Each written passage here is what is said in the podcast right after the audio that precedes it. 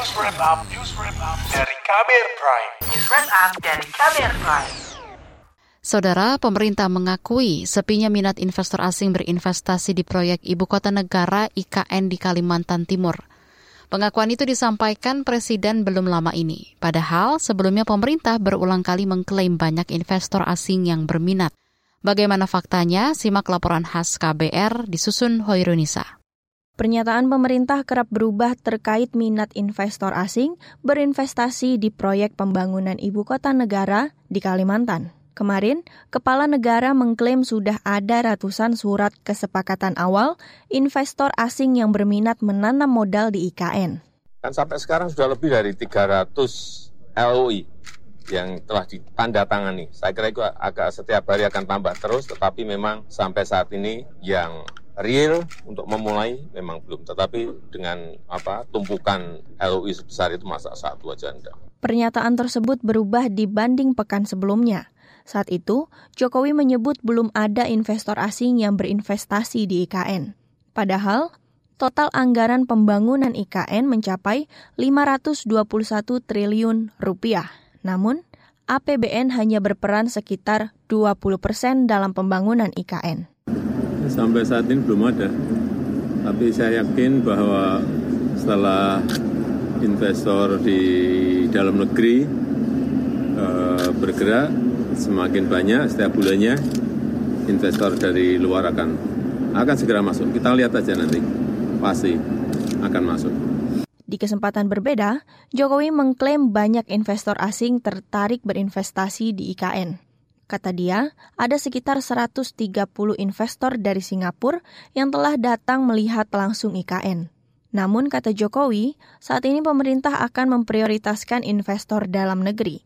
Pernyataan Jokowi diperkuat oleh Sekretaris Otorita IKN, Ahmad Jaka Santos Adiwijaya. Dan kami fokus untuk bagaimana merangkul teman-teman investor dan sesuai arahan Bapak Presiden, mendahulukan terlebih dahulu investor dalam negeri untuk dapat uh, mengaplikasikan perencanaannya di lokasi yang mereka inginkan di area KIPP dan itu sudah ada dua kali batch groundbreaking yaitu yang pertama 23 September, yang kedua kemarin di awal November ya, 1-2 November.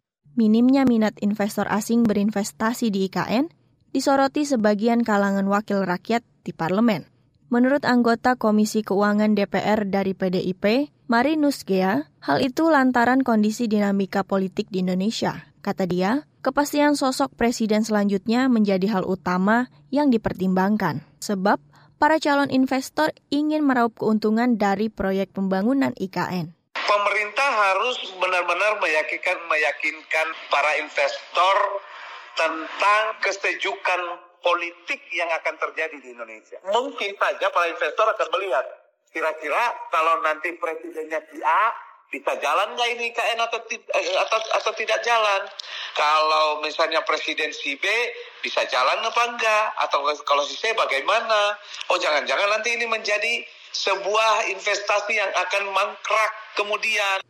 Anggota DPR Marinus Gea mendorong pemerintah meyakinkan dan memastikan dinamika politik di tanah air tetap kondusif, sebab ia khawatir pembangunan IKN berpotensi membebani APBN jika pemerintah tidak bisa meyakinkan investor. Analisis berbeda disampaikan Direktur Lembaga Riset Ekonom Selios, Bima Yudhistira.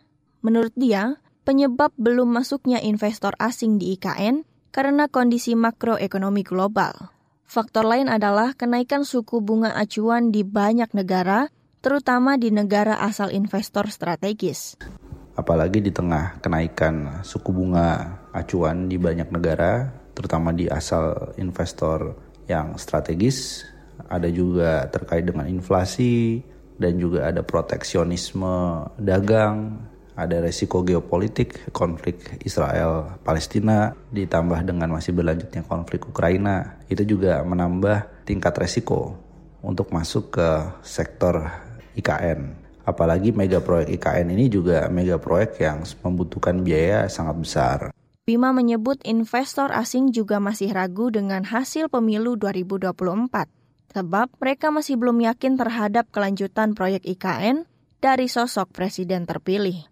Bima menyarankan pemerintah lebih giat meyakinkan para investor asing dengan memastikan fokus pada pembangunan IKN. Terlebih, pemerintah juga mesti menjamin investor dengan adanya perpindahan penduduk ke sana.